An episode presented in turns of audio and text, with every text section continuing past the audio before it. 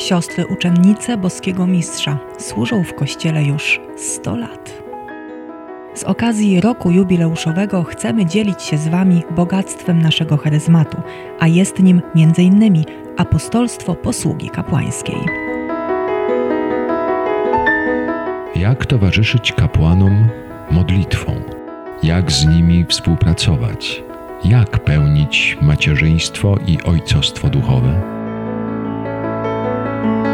Na te pytania odpowiadają siostry oraz ich przyjaciele i współpracownicy, a przede wszystkim błogosławiony Jakub Alberione. Refidim. Niech będzie pochwalony Jezus Chrystus. Zapraszam Państwa kolejny już raz na audycję Refidim, która traktuje o modlitwie za kapłanów i duchowemu, e, o duchowym towarzyszeniu kapłanom.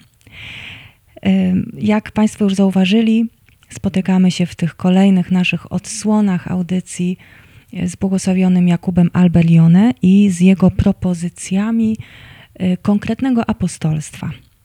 E, dziś kolejne z nich apostolstwo cierpienia. Bardzo ważne, e, bardzo ważna misja w Kościele, szczególnie na antenie mm, rozgłośni naszych katolickich.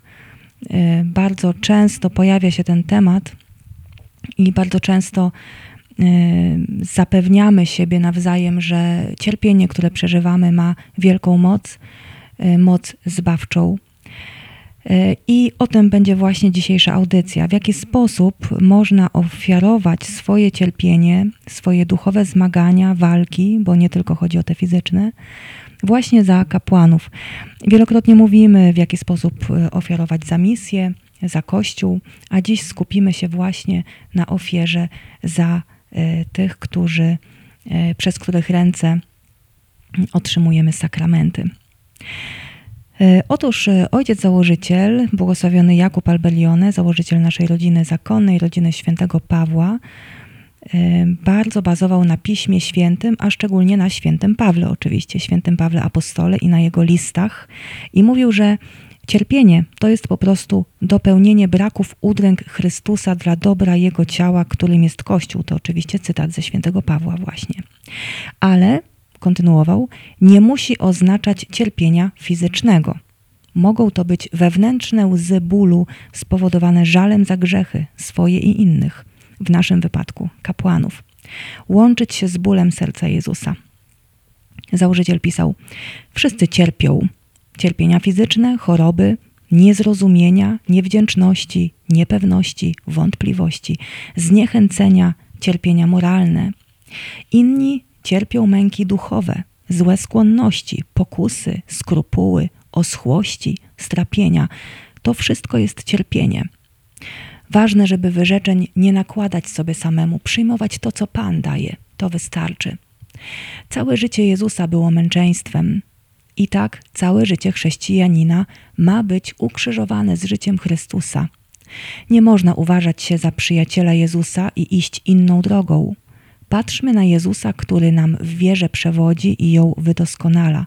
On to zamiast radości, którą mu obiecywano, przecierpiał krzyż, nie bacząc na jego hańbę i zasiadł po prawicy tronu Boga. Może Państwo słyszą w tych tekstach bardzo dużo odniesień do Pisma Świętego i właśnie to jest właściwy trop, to jest słuszna uwaga, słuszne zauważenie i spostrzeżenie. Tak jest w istocie. Posłuchajmy dalej błogosławionego Jakuba Albelionego.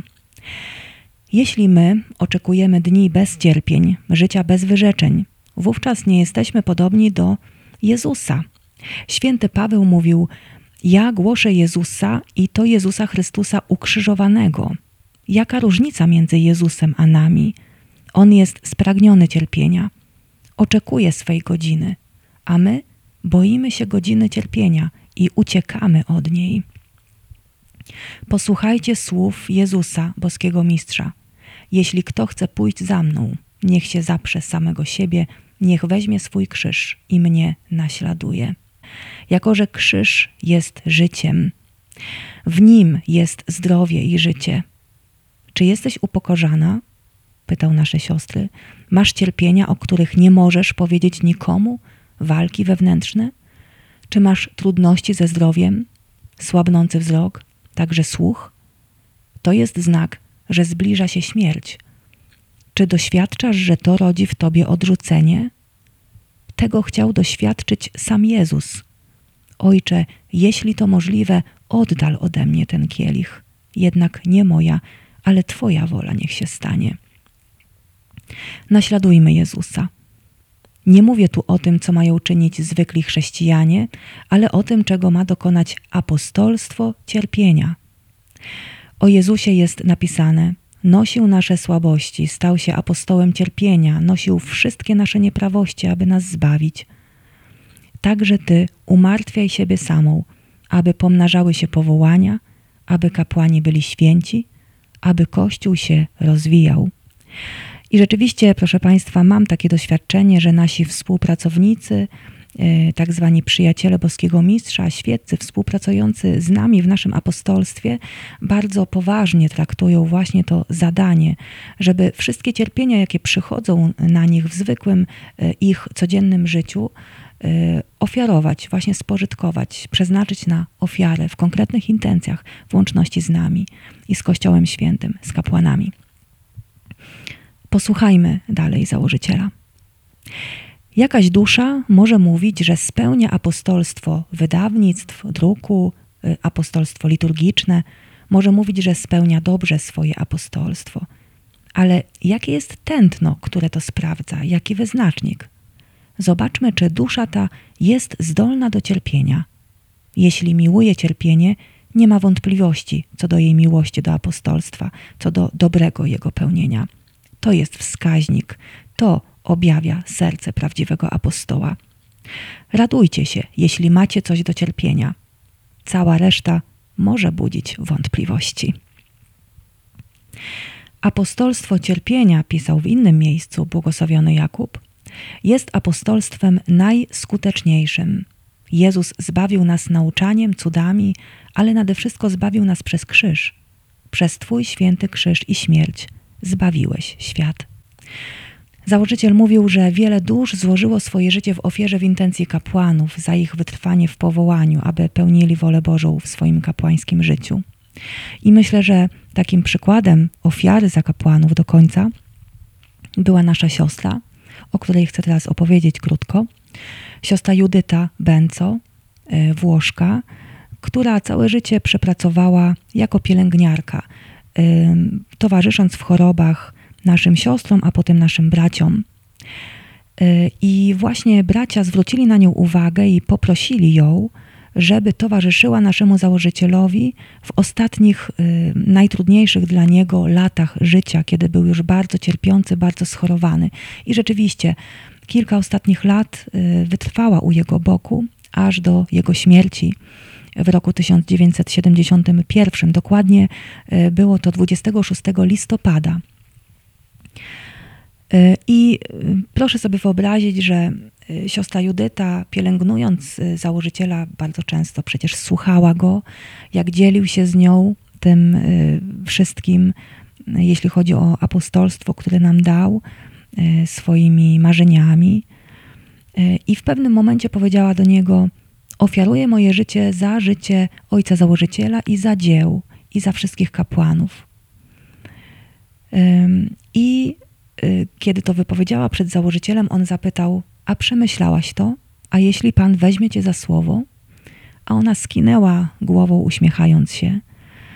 I rzeczywiście życie pokazało, że ta jej ofiara została przyjęta, ponieważ E, dokładnie dwa miesiące po śmierci założyciela e, zmarła. E, tuż przed jego śmiercią, jeszcze kiedy go pielęgnowała, objawił się rak żołądka, więc możemy się domyślać tylko, jak bardzo cierpiała przez te ostatnie miesiące. I Pan rzeczywiście zabrał ją do siebie, przyjmując ofiary z jej życia tuż po śmierci ojca założyciela, czyli dopełniła tej posługi i poszła wraz z nim mm, do Ojca, do naszego Pana, e, który przyjął jej ofiarę cierpienia. E, ofiarujcie się za kapłanów, mówił założyciel. Ofiarujcie swoje życie. Nie w tym sensie, że od razu umrzecie, nie, ale z tą intencją, żeby umieć znosić trudności, dzień po dniu wypełniać wyznaczone przez posłuszeństwo obowiązki, zgodnie z tym, co chce Pan Bóg. wszystko przyjmować spokojnie, zużywać swe siły w intencjach uświęcenia kapłanów. E, niech przykład siostry Judyty, e, także naszych pierwszych sióstr i wielu osób, i konsekrowanych, i świeckich, którzy modlą się i ofiarują w intencji kapłanów, e, zaowocuje ofiarą także z naszego życia. Właśnie tak jak chciał założyciel, niekoniecznie wielką ofiarą, ale tymi małymi ofiarami cierpienia, znoszonymi, przyjmowanymi każdego dnia. I to wszystko na dziś.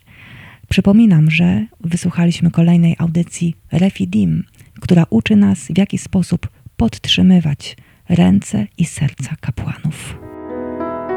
Refidim